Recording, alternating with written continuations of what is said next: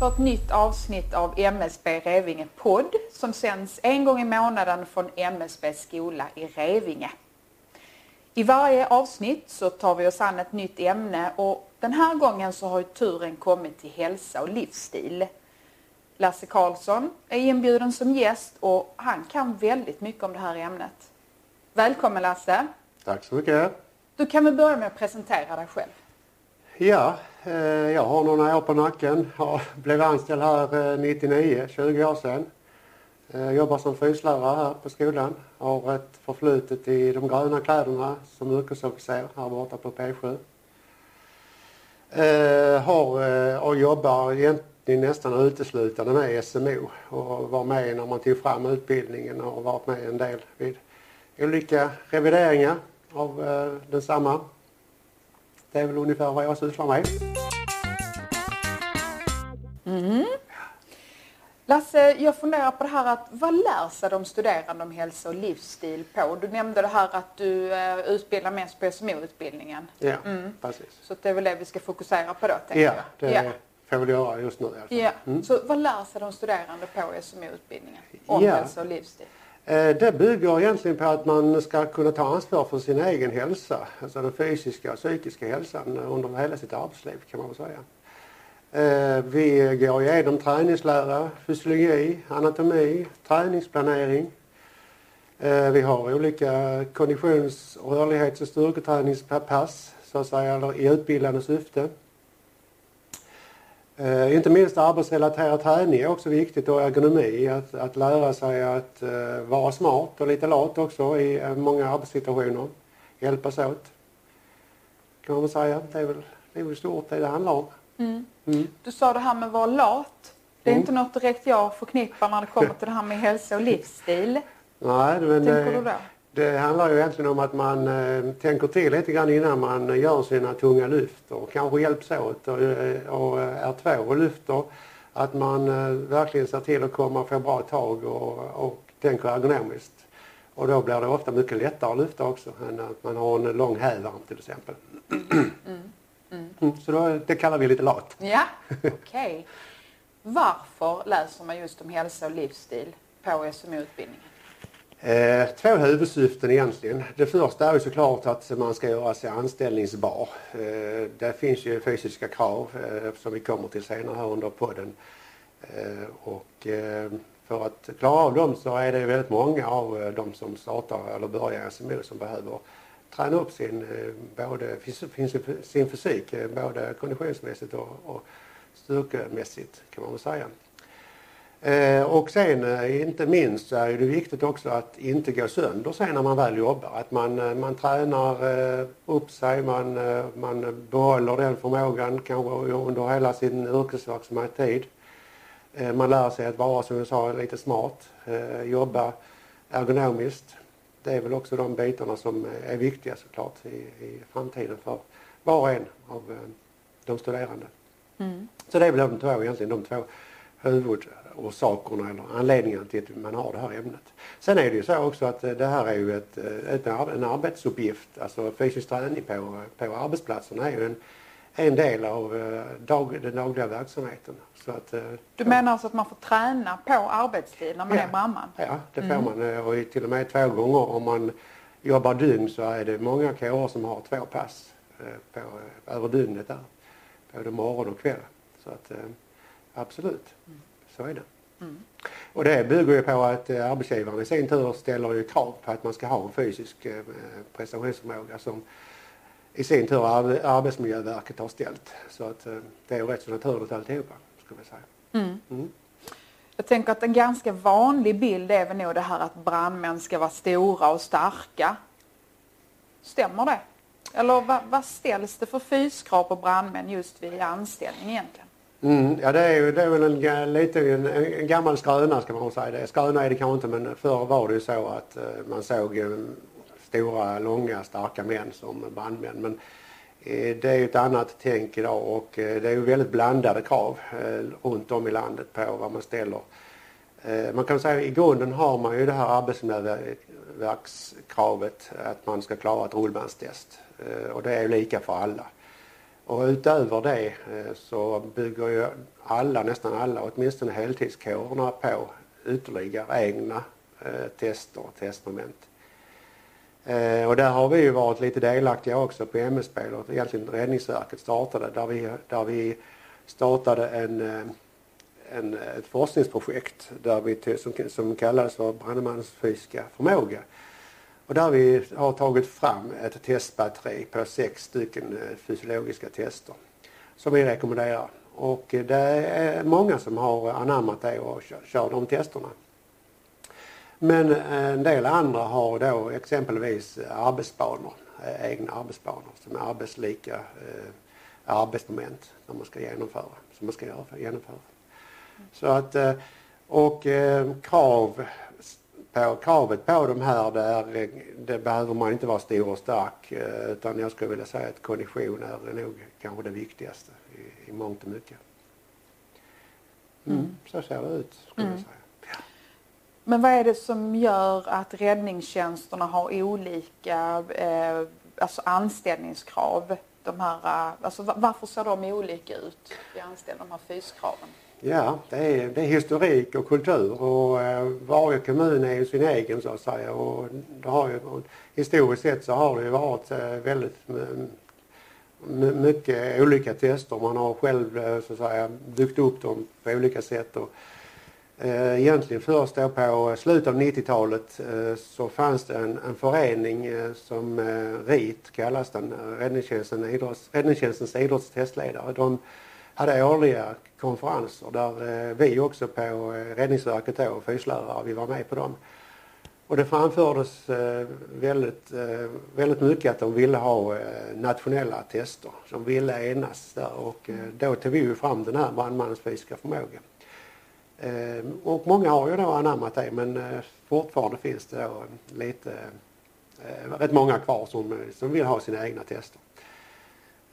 Och det är klart att det finns kanske över tid, eller vad ska man säga, eh, jobbet i sig är ju, är ju likadant. Va? Men eh, det är ju en väldigt stor skillnad på hur många larm man har över dygnet i en storstad gentemot en, en liten kommun. Och det är klart, det sliter ju hårdare på kroppen och eh, över tid så kanske man kan i vissa fall acceptera att man har en lite mer buffert, man är, man är lite starkare och uthålligare kanske för att tåla den här, den här lite tuffare arbetsmiljön. Så att, eh, I vissa fall förstår jag det. Å andra, andra sidan skulle jag nog gärna vilja se ett, ett nationellt, mm. eh, nationellt test som eh, hade underlättat väldigt mycket för oss på skolorna också. Eh, och för alla som eh, söker SMO och som är på SMO och, och studerar. man har verkligen tydliga mål för det är, det är inte lätt idag för var och en av dem att hitta mm. rätt nivå. kan man säga. Mm. Alltså jag förstår ju det här att synen på brandmannens fysiska förmåga på något, ja den har ju förändrats genom åren. På vilket sätt? Ja, kan man säga i och med den nya lagen eh, skydd mot olyckor och när vi började SMO-utbildningen så öppnades det upp en helt annan möjlighet för alla egentligen att bli brandmän.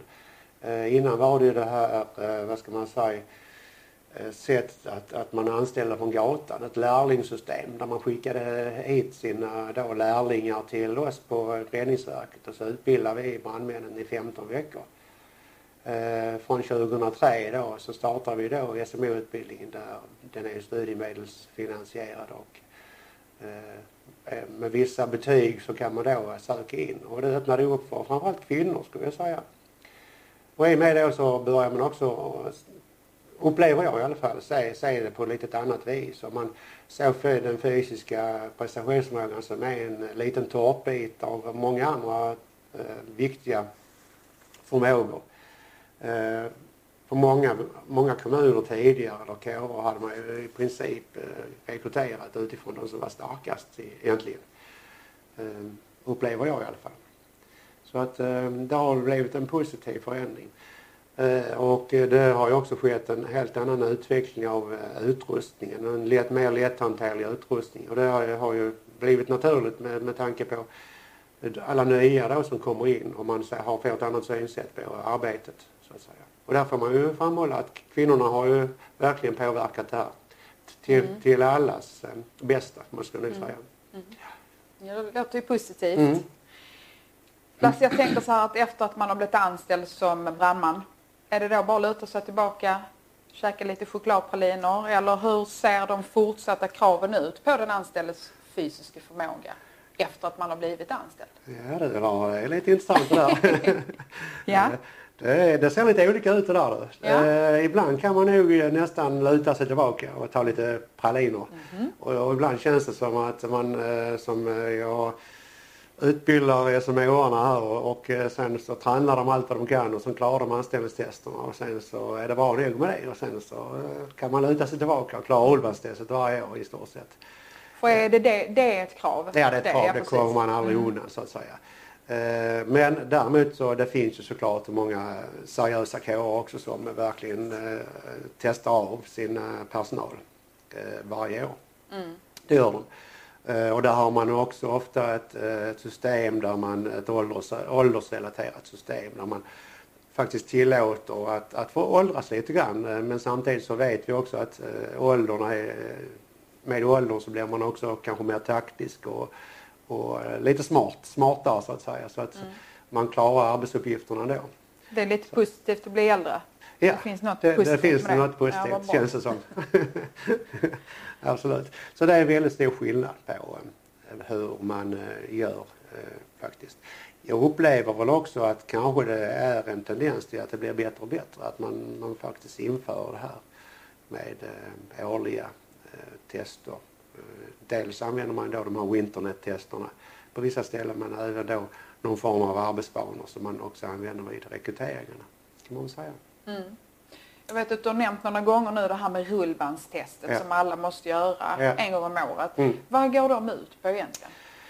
Ja, det är ju ett test där man, eh, där man går med full utrustning. Alltså man har 24 kilos uh, utrustning på sig, larmställ och andningsapparat på ryggen. Uh, och så går man då i, i uh, 4,5 kilometer i timmen i 8 grader, alltså ja, 14,3 procent är det för er nu som tränar på eh, gym så eh, har man inte grader i lutning utan eh, det har man ju ofta procent. Så att 14-15 procents lutning. Det är ju det lagstadgade kravet, alltså 4,5 km i timmen. Nu gör man det 6 minuter.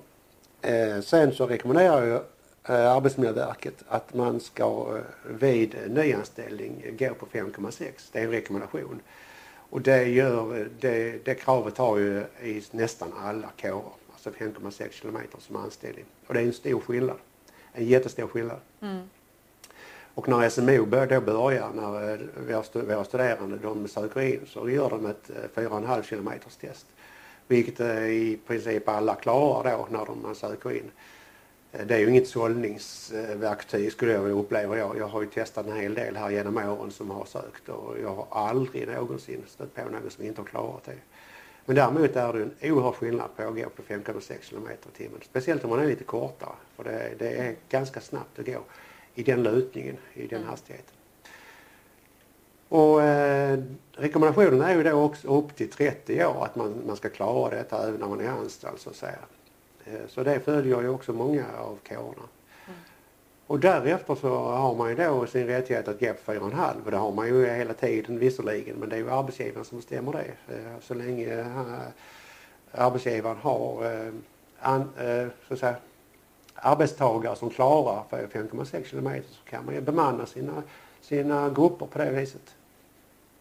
Men så har man återigen där efter 30 år så har många då åldersrelaterade så man går ner 5,4 kilometer, 5,2 och sen då efter 50 så får man gå på 4,5 kilometer. Mm. Att, eh, men det är ju då en policy man har, en riktlinje man har på, ute på många av äh, vad heter det, kårerna. Så, att, det, så det är ju inte en, ett stort mål, en stor målsättning, en stor utmaning för många av våra studerande att klara just 5,6 kilometer. Mm. Mm. Det är det första de får göra här, prova på. Och sen eh, klar, upptäcker man då att eh, många klarar det klart, absolut. Halva klasserna ungefär brukar det vara som klarar 5,6 direkt. Men en del andra märker att jag har nog några minuter kvar där. Så, att, eh, så det är bara till att sätta igång och träna. Det gäller att hålla igång. Hålla igång där mm. ja, absolut. Om jag nu vill fördjupa mig inom ämnet hälsa och livsstil, har du några tips på litteratur eller några webbsidor som man kan besöka? Ja, det, det, här är ju en jättestor äh, vad heter det, business med, Ja. med hälsa och livsstil och, och fitness och allt vad vi pratar om. Eh, och där är väl ingenting direkt skrivet mot räddningstjänsten. Eh, jag själv eh, tycker det är väldigt intressant att läsa bland annat Jakob Gulliols eh, bok Forma kroppen. Det är en bok som är väldigt eh, bred och, och eh, han, han fördjupar sig på ett, eh, tycker jag, ett objektivt sätt, förhållningssätt i massor av vetenskapliga studier, studier inom kost och träning. Så det är där och, och det, det tycker jag där kan man ju verkligen hitta nischer och, och, och ja, fördjupa sig inom olika områden. Även hans webbsida då, träning, kost och hälsa, tycker jag är intressant att följa. Mm. Eh, sen är det Heter styrkelabb. den så? He- heter den? Heter den så? Den heter, den heter Träning, kost träning, kost och hälsa. Mm. Ja, absolut, det gör det. Och sen så har vi då styrkelabbet.se som också är eh, intressant att följa. Mm. Det är väl de. Eh, sen finns det jättemycket. SISU bland annat har ju många böcker man kan, som vi har här i biblioteket också för Mm. de som nu går här på skolan. Mm. Som är bra att läsa. Mm. Intressanta. Ja, Mm. precis. Och det är också, jag tänkte den boken du nä- nämnde, den här Forma kroppen, Mm. ja den finns ju också att låna på Ja. biblioteket. Ja. Absolut. Mm. Ja. Mm. ja, det var bra tips. Du Lasse, vi har en ny punkt i programmet. Mm. Jag har hört talas om det. Har du. Ja. Den har vi valt att kalla för Fråga gästen. Mm. Och den går ut på att eh, våra studerande här på skolan, de får möjlighet att ställa frågor till gästen som är här i programmet. Och först ut att ställa en fråga till dig, han heter Albin Bengtsson och han går på eh, SMO-utbildningen. Och hans fråga till dig, den lyder så här. Tjena Lasse, Eh, jag har en liten fråga. Eh, I brandmansyrket, vad är bäst? Ens eh, kondition eller en styrka? Mm. Då brukar jag svara så här, det beror på. Eh, Klassiska svaret. Det klassiska svaret, Ja. för det finns inte svart eller vitt. Men i grunden är det utan tvekan konditionsträning. Eh, därför att den påverkar så mycket över tid. Eh, även om i, i vissa situationer kanske korta insatser som är ganska ovanliga, som är väldigt tunga. Det, det är, det, de är inte vanliga utan ofta så är det då konditionen som är viktig, att kunna syresätta sig i alla möjliga trafikolycksinsatser, brandinsatser, och skogsbränder och så vidare.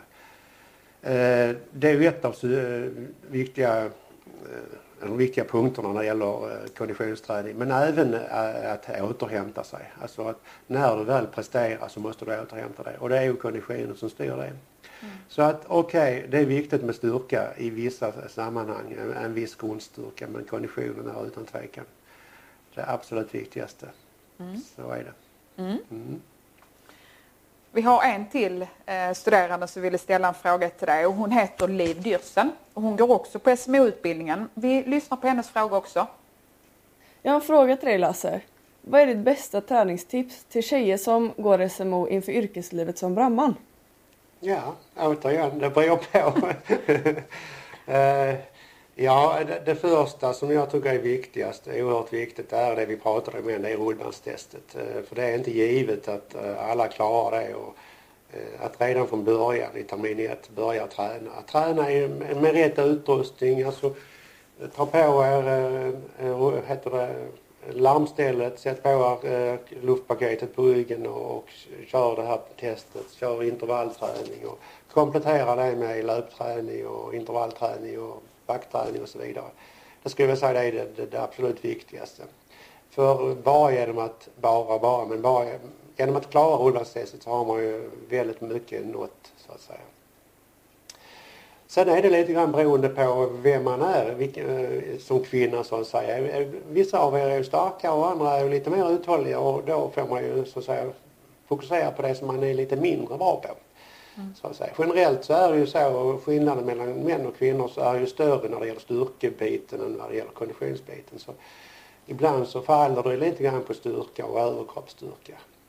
Men eh, om vi pratar styrketräning så skulle jag säga att det är st- stora övningar, rörelser som marklyft och, och knäböj och i, till viss del också bänkpress är ju de tre, tre bra övningar där man belastar sig med, med så tung, tung belastning som möjligt, alltså tunga vikter som möjligt.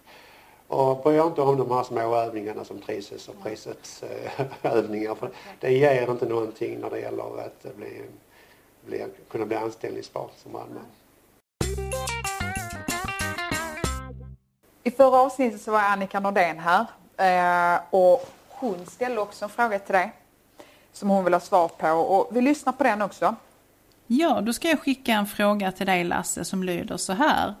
Eftersom vår mänskliga resiliens är en viktig bidragande faktor till hur vi klarar av kriser i livet så skulle jag vilja höra från dig Lasse, vilka är dina fem topptips på att må bra i livet? Ja du Annika, det var eh, många tips jag ska ge här men jag ska försöka få ihop något. Eh, jag skulle börja med sömnen. Det där är väl den biten som vi överlag är mest nonchalanta med. Eh, vi behöver 7-8 timmar sömn varje natt oavsett vem vi är faktiskt. Och ibland också upp, upp mot en 8 över det ibland.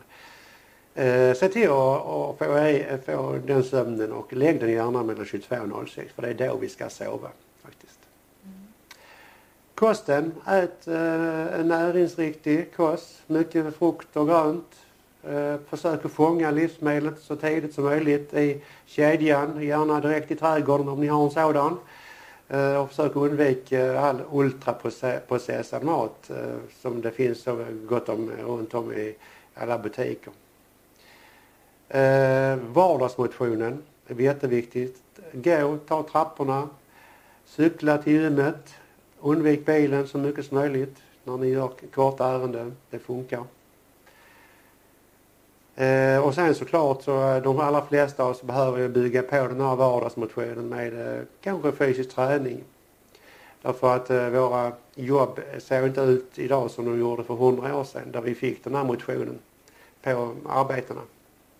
Så gärna något pulshöjande eh, några gånger i veckan kan räcka med promenader men kanske för många kanske lite eh, jogging eller cykling och så vidare. Och sen då den sista då va, så gärna lägg ifrån dig skärmen och koppla av med en bok istället. Mm. Det är jättebra. Bra tips där mm. Tycker väl du också ja. som bibliotekarie här Laura? Absolut.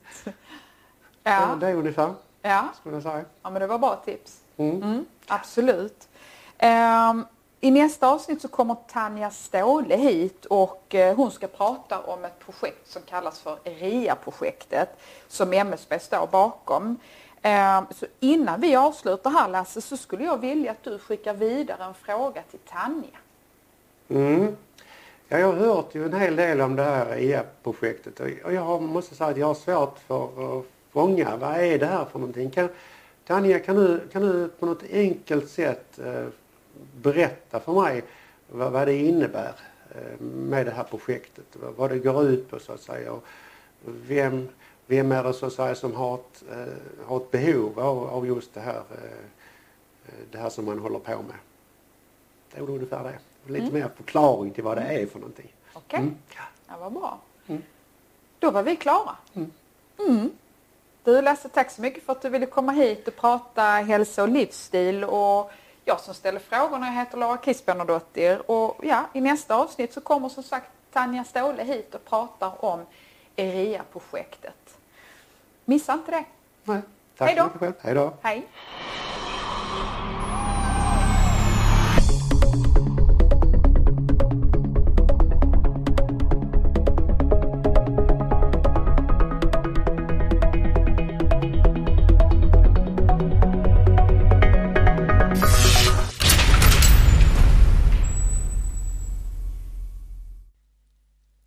Hänvisningar till litteratur och andra resurser hittar du på vår poddblogg msbrevingepodd.wordpress.com.